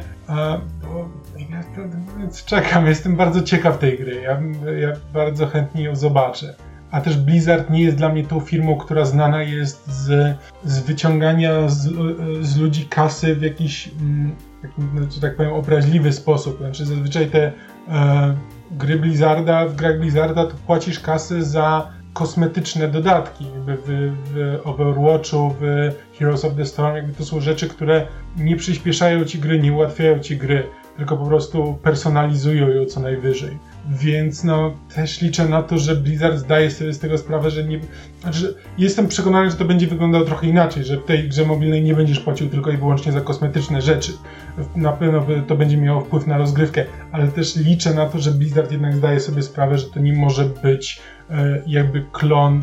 Znaczy, pod względem modelu biznesowego nie mogą sklonować modelu, e, który sprawdza się w Azji. Tak jeden do jednego. Wiesz co, y, to ogólnie to mm, ja stoję w tym całym konflikcie bardzo mocno po stronie Blizzarda, ale trochę rozumiem skąd się on wziął, dlatego że nawet to nie jest nawet kwestia ludzi, którzy kupili teraz bilety na BlizzCon, tylko to jest kwestia tak naprawdę kilku ostatnich lat, bo w ciągu ostatnich lat mm, społeczność Diablo, jakby ja jako jedyny z naszej trójki aktywnie siedzę w społeczności Diablo i regularnie gram w, w trzecią część gry i czasem w drugą, mm, społeczność Diablo czuła się mocno olewana, dlatego że nic się nie działo w, w ramach gry. Nie tylko nic się nie działo, ale wręcz pojawiały się bugi, które były absurdalnymi, absurdalnymi absolutnie rzeczami, gdzie na serwerach testowych ktoś zwracał uwagę, że hej, ten nowy przedmiot z tym nowym skillem tworzą razem coś takiego, że jesteś w stanie w ogóle twoja postać jest w stanie w niezaplanowany przez twórców sposób stać się znacznie mocniejsza niż powinna być. I ludzie zgłaszali to na serwerze testowym, po czym to samo dokładnie trafiało na serwery oficjalne, gdzie okazywało się, że hej, to jest exploit, z którego ludzie korzystają, kto by się spodziewał, i potem Blizzard się wycofywał i wycofywał się również w bardzo zły sposób, dlatego że tym ludziom, którzy skorzystali z tego exploitu i zdobyli dżemy na bardzo wysokim poziomie, drzemy na bardzo wysokim poziomie, obniżyli poziom tych klejnotów do tam jakiegoś 120, który nadal był na bardzo wysokim poziomie, więc dostali po prostu mniejszą nagrodę, bo oszukiwali, nie?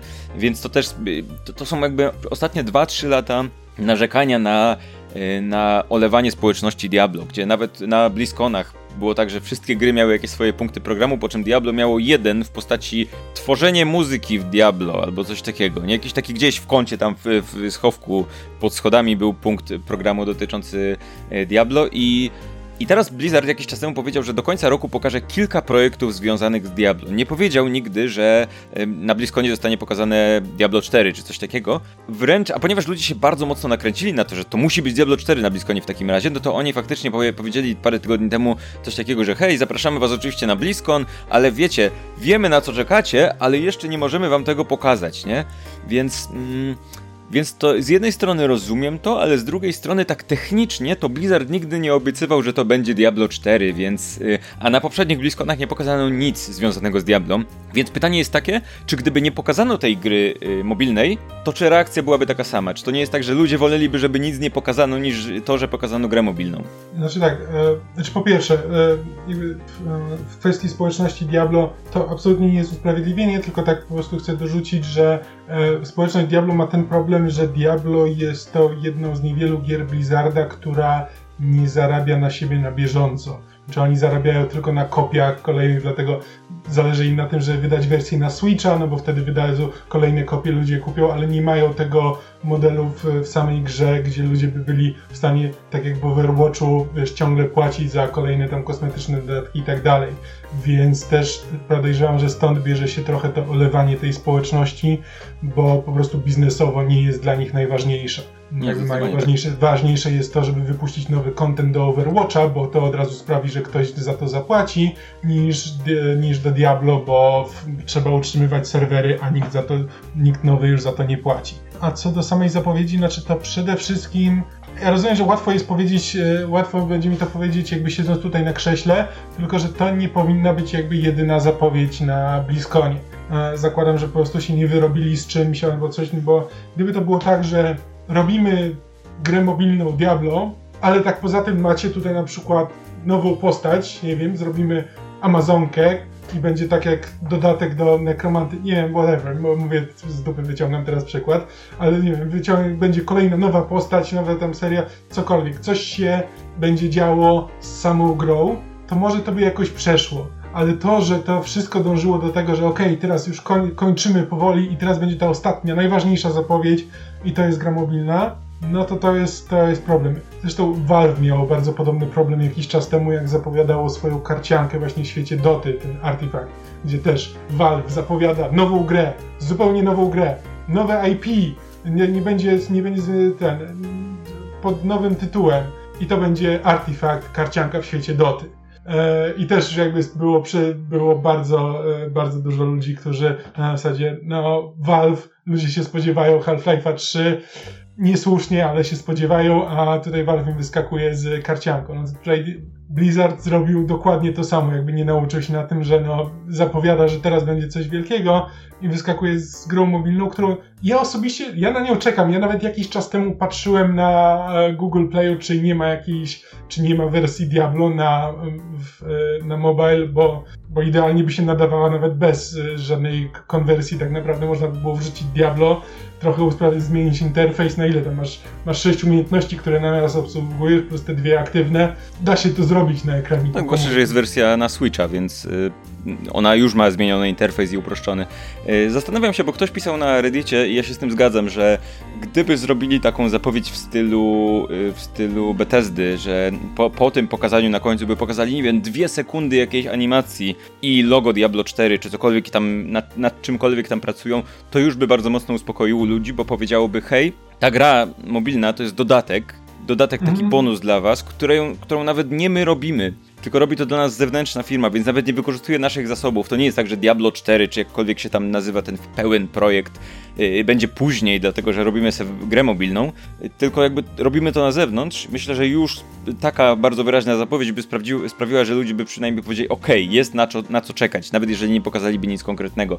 A jeżeli chodzi o jakość samej gry, no ja, Okej, okay, rozumiem w pewnym stopniu niechęć do niej z tych powodów, które wymieniłeś, ale jakby patrząc na samo to, jak wygląda Diablo Immortal, to mnie się ta gra naprawdę bardzo podoba. W sensie, nie, nie mam powodów, żeby sądzić, że to będzie pay to win. W sensie, nawet jeżeli ta poprzednia gra to było pay to win, no to to jest teraz gra Blizzarda i Blizzard nie robi gier pay to win i nie mam powodu, dlaczego, dla którego miałbym sądzić, że Blizzard, zatrudniając jakąś firmę zewnętrzną, która robiła takie gry, pozwoli im zrobić grę, która będzie pay to win. Zwłaszcza, że ta gra wydaje się być, wydaje się bez problemu mieć perspektywę na zarabianie, dlatego że powiedziano, że będą dodawane w niej postaci i pokazano tak bardzo mocno segmentowe krainy, które tam są, więc zakładam, że poza przedmiotami kosmetycznymi będzie można po prostu dokupić nowe krainy raz na jakiś czas i nowe, nowy content i dokupić też nowe postaci. I wydaje się to być ten sam model biznesowy, z którego korzystają w Hearthstone, gdzie można co jakiś czas kup gdzie można kupować pakiety kart, ale można je też kupić jakby normalnie, ale gdzie można kupić kosmetyczne rzeczy, gdzie można kupić dodatki nowe i można kupić y, scenariusze fabularne, kiedy się pojawiają i są po prostu wypuszczane raz na kwartał. Myślę, że to może być model biznesowy, który będzie pasował do tej gry. Y, no i też nie, nie, nie rozumiem y, koncepcji reskinu, w sensie ja dyskutowałem na reddicie z kimś na ten temat, gdzie ktoś napisał, że każda gra, która jest na tym samym silniku to jest reskin. Z czego by wynikało, że Heroes of the Storm jest reskinem StarCrafta 2, a a Diablo jest reskinem Warcrafta 3, no bo to jest też ten sam silnik i ja tego kompletnie nie rozumiem. Jeżeli to jest firma, która miała doświadczenie w zrobieniu klona Diablo na urządzenia mobilne, to jak najbardziej rozumiem sytuację, w której Blizzard mówi, ok, zrobiliście fajnego klona, i teraz my wam zapłacimy, zmienimy model, model biznesowy, damy naszą jakość, nasz, nasze artworki, nasz, nasze scenariusze itd., tak itd., tak a wy jakby udowodniliście, że robicie to dobrze technicznie, więc wy to róbcie, bo macie know-how, a my mamy świat, my mamy nasze know-how i połączmy siły. Jestem jak najbardziej za. Zdecydowanie wolę, że to działa tak, niż to, gdyby to wyglądało w ten sposób, że Blizzard bierze jakąś część swoich pracowników, którzy mogliby pracować w tym czasie nad Diablo 4 i każe im zrobić grę mobilną w momencie, w którym nie mają doświadczenia z robieniem gier mobilnych i musieliby się najpierw nauczyć, po prostu otworzyć, wy wyważyć otwarte drzwi przez, przez inne firmy, tylko dlatego, żeby to, żeby nie było tam żadnej działającej zewnętrznej firmy. I jedna rzecz, która mi bardzo mocno też działa, jest to, że poprzednie gry tego studia wspierały e, MFI, czyli standard kontrolerów mobilnych, co jest dla mnie super rzeczą bo kontrolery na MFI można zakupić za grosze, naprawdę, jakieś chińskie i na Amazonie czy gdziekolwiek. Można też kupić lepsze oczywiście, ale najtańsze można kupić za, nie, za niewielką kasę. I to są kontrolery, które niektóre wyglądają jak y, te kontrolery do Switcha, że zakłada się na telefonie po bokach dwie rzeczy. Niektóre to są po prostu zwykłe, zwyczajne kontrolery, takie pady jak do konsoli.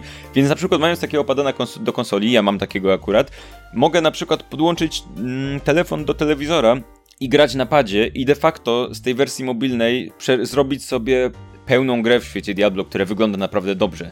I ja bym chciał w coś takiego pograć, naprawdę. Zwłaszcza, że tak jak mówiłem wcześniej, Diablo 3 w zasadzie nie jest na tym etapie wspierane w ogóle. Nie dostajemy nowego kontentu, a jak dostajemy, to jest jakby żenująco śmieszny, bo to jest nowy content, teraz nowy sezon będzie miał theme. Jaki jest theme sezonu? Że zamiast jednego goblina będą się pojawiały dwa gobliny. Zrobiliśmy jedną linijkę kodu dodatkową, więc teraz nowy content, super. Więc zakładam, że ta nowa gra będzie miała regularnie dodawany nowy content po to, żeby nie było tego problemu z tym, że nie zarabia na bieżąco, więc ja się cieszę, dostanę nową grę w świecie Diablo z regularnie dodawanym kontentem, która pojawi się w czasie, kiedy będę czekał na pełną grę w świecie Diablo, która prawdopodobnie wyjdzie za 2-3 lata, czy kiedykolwiek tam, bo Blizzard jak zapowiada grę, to raczej nie ma co się spodziewać, że ona wyjdzie za 3 miesiące, tylko raczej za 3 lata, nie? Że to też jest to, co mówiłem na temat społeczności Diablo, znaczy to nie jest tak, że w, w ramach jednej firmy, jeśli jakiś tytuł osiągnie sukces, to to się przekłada na, na inne tytuły, jakby niekoniecznie, ale w przypadku jakby to będzie tytuł serii Diablo, więc jeśli on będzie zarabiał, to też jakby społeczność Diablo też będzie zdecydowanie bardziej zauważalna dla jakby akcjonariuszy Blizzarda, dla wierchuszki całej i tak dalej, więc to jakby to ma szansę się w jakiś sposób przełożyć na to, że, mm, że coś się zacznie pojawiać. Poza tym no, podejrzewam, że to też będzie poligon doświadczalny dla Blizzarda w pewnym stopniu, bo um, znaczy, bo to też jest pewien sposób, w jaki Blizzard mógł sobie trochę strzelić w stopę, tym, że teraz wychodzą z tą mobilną grą, e, jeszcze, jeszcze gdzie ludzie zakładają, że to będzie pay to win, bo nie wiadomo jeszcze co będzie, e, to jest to, że jakby na pewno Diablo 4 będzie miało inny e, będzie miał jakiś system mikrotransakcji, jakiś inny model biznesowy, bo Blizzard nie jest zadowolony z tego, co, e, co ma Diablo 3. Więc w czwórce to na pewno będzie bliżej tego systemu e, overwatchowego, gdzie nie wiem, będziemy mogli kupować sobie jakieś wierzchowce albo pety, albo e, nie wiem, efekty magii będzie można zmienić kupując jakąś, e, jakąś skórkę czy coś takiego. E, tylko, że po tej zapowiedzi obawiam się, że to już nie będzie traktowane jako ten krok w stronę Overwatcha, tylko krok w stronę gier mobilnych. E, I że ludzie już nie będą widzieli tych mikrotransakcji jako naturalny ten system Blizzarda, który oni, który oni sobie wyrobili i starają się go sprowadzić tak, żeby nie wpłynąć na rozgrywkę, a z drugiej strony dać ludziom szansę na to, żeby personalizowali grę za pieniądze, które idą do nich. Mm, Tylko no będą patrzyli na to jako o, mikrotransakcje to jest tak jak w tej grze mobilnej i będzie teraz wszystko, wszystko do dupy. Boję się, że to się może dla nich źle skończyć pod tym względem też. No chyba, że okaże się, że ta gra mobilna te mikrotransakcje ma spoko, w sensie jakby na razie ludzie zakładają najgorsze, ten taki model chiński powiedzmy, ale myślę, że jeżeli ta gra wyjdzie gdzieś w międzyczasie i okaże się, że hej, oni po prostu dodają regularnie nowy content, no to ja się, ja się cieszę na tą formę mikrotransakcji, w sensie jeżeli mam do wyboru grę, która będzie płatna, zakładam, że kolejna duża gra będzie płatna tak czy siak, jeżeli mam do wyboru grę, która będzie płatna, a potem nie będzie zarabiać, więc twórcy będą coraz mniej chętnie tworzyć y, dodatkowy content do niej, mm, no to mam takie ok, no to jest gra z pewnym jakby terminem skończenia dopływu kontentu czy coś takiego, ale jeżeli to będzie gra, która będzie miała pomysł na to, jak dodawać nowe rzeczy, tak żeby nie, nie naruszało to balansu gry, czyli dodawała rzeczy kosmetyczne albo dodawała content po prostu w postaci, nie wiem, nowych postaci, które trzeba odblokować, tak jak odbloko- pojawił się Necromanta w Diablo 3, zakładam, że to mógł być test dla potencjalnych nowych postaci w kolejnej części gry, które się będą pojawiać, nie wiem, raz na pół roku, jak, jak w Overwatchu. Mm, jeżeli mam perspektywę tego, że ta gra będzie w jakiś sposób rozwijana, nawet płatnie, to ja wolę grę, za którą raz na jakiś czas płacę, jeżeli chcę w nią grać i dostaję nowe rzeczy, niż grę, za którą pła- zapłaciłem raz i potem jakby już nic się z nią nie dzieje i nawet jak chcę w nią grać, to nie mogę, nie wiem, zapłacić paru dolarów, żeby dostać coś nowego, jakiś nowy content i tak dalej, tak dalej. Ewentualnie wyjdzie gdzieś jeden dodatek, który będzie taką dużą paczką, ale poza tym nic, więc mm, ja się cieszę, a przede wszystkim kwestia dla mnie najbardziej istotna i to tak idąc już ku końcowi, bo nam się znów odcinek przedłużył. Dla mnie wszystko to, w jaki sposób ten Diablo Immortal jest zrobiony, y, sprawia, że w najgorszym wypadku nic nie tracę. W sensie dla mnie Diablo Immortal jest dokładnie tym samym, czym są pluszaki Diablo sprzedawane w sklepie Blizzarda. Też je robią Chińczycy, też nie jest tak, że deweloperzy Blizzarda szyją misie. Też te pluszaki prawdopodobnie są robione w fabryce razem z y, pluszakami innych marek, y, tą samą nicią szyte i tak dalej i są tylko reskinami pluszaków z filmów Disneya czy czegokolwiek innego. I też możesz je kupować albo nie, ale nie wpadasz do sklepu Blizzarda i nie krzyczysz ja nie chcę pluszaków, dlaczego robicie pluszaki? Robicie je tylko po to, żeby zarabiać. Dajcie mi Diablo 4, a nie pluszaki Diablo. Niech napiszę petycję, żeby Blizzard sprze- przestał sprzedawać pluszaki, bo przez to nie ma Diablo 4. Miało być Diablo 4, a pluszaki robicie, nie? E, Blizzard dzisiaj się odniósł do tych informacji w ogóle, do, do tego backlashu całego się odniósł, mówiąc, że y, to nie jest wszystko, co mają do zapowiedzenia, więc żebyś jeszcze chwilę się uspokoić. I zastanawiam się, bo być może teraz, jakby w efekcie tego, jak to wygląda, bo naprawdę wygląda to boleśnie dla nich, mm, być może teraz przyspieszą jakąś zapowiedź e, Diablo 4, czy jakkolwiek się ta gra kolejna duża będzie nazywać. Być może ten teaser Bethesdowy, w cudzysłowie, o którym mówimy, być może pojawi się gdzieś w międzyczasie, bo okaże się, że jakby y, reakcja jest na tyle bolesna dla nich, że za dwa dni wypuszczą teaser Diablo 4, po, tylko po to, żeby ludzie wiedzieli, dostali wyraźny komunikat, że tak, to coś powstaje, dajcie nam jeszcze chwilę. Yy, Myślę, że jest duża szansa, że, że tak będzie, ale jednocześnie jakby nie jestem zadowolony z tego, jak bardzo salty okazała się społeczność w tym momencie, która nienawidzi gry tylko dlatego, że nie jest Diablo 4 i niezależnie co o tej grze powiesz, to oni ją po prostu nienawidzą, bo oni już wiedzą, że jest do kitu i nawet jeżeli nie będą w nią grali, to nienawidzą ją za sam fakt, że istnieje w ogóle i, i, i ktoś ją robi, nie? E, więc, więc szkoda. Ja czekam na Diablo Immortal i czekam też na kolejną grę z serii Diablo. Cieszę się, że dostanę dwie gry, bo w najgorszym wypadku Diablo Immortal nie będzie dla mnie ciekawe, więc po prostu nie będę w nią grał. Jest bardzo dużo gier, w które nie gram, więc jedna dodatkowa nie zrobi mi różnicy naprawdę. E, Jakaś, jakaś kropka nad i w, w, w, o- od was w tym temacie? Nie, zasadniczo wydaje mi się, że wyczerpałeś temat, bo tak naprawdę nie, nie chcę powiedzieć, że gracze są najgorsi, bo boję się, że kolejny, kolejny raz mamy główną burzę tak naprawdę, może nie o nic, ale zdecydowanie niewspółmierną do, do tego, co Blizzard zrobił źle. Niewspółmierna reakcja ludzi w internecie? Nie. Prawda? Niemożliwe. Ja mam w ogóle taką propozycję, żeby temat do kolejnego odcinka wymyślił Krzysztof, bo dzisiaj zdecydowanie jest, czuje się zaniedbany. Siedzimy, rozmawiamy o Diablo, a on siedzi bie, biedny i myśli, co jest, co, o co chodzi, jakieś giereczki mainstreamowe.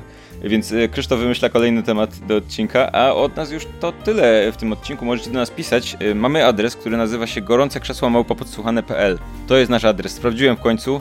To jest nasz adres bezpośrednio do nas. Dziewczyny z czytu czytu nie czytają wtedy maili od was, więc możecie sobie pisać o giereczkach. Yy, gorące krzesło małpa podsłuchane.pl, a poza, poza tym wchodźcie na podsłuchane.pl, gdzie są też inne podcasty, które e, robimy, produkujemy i tak dalej, i tak dalej.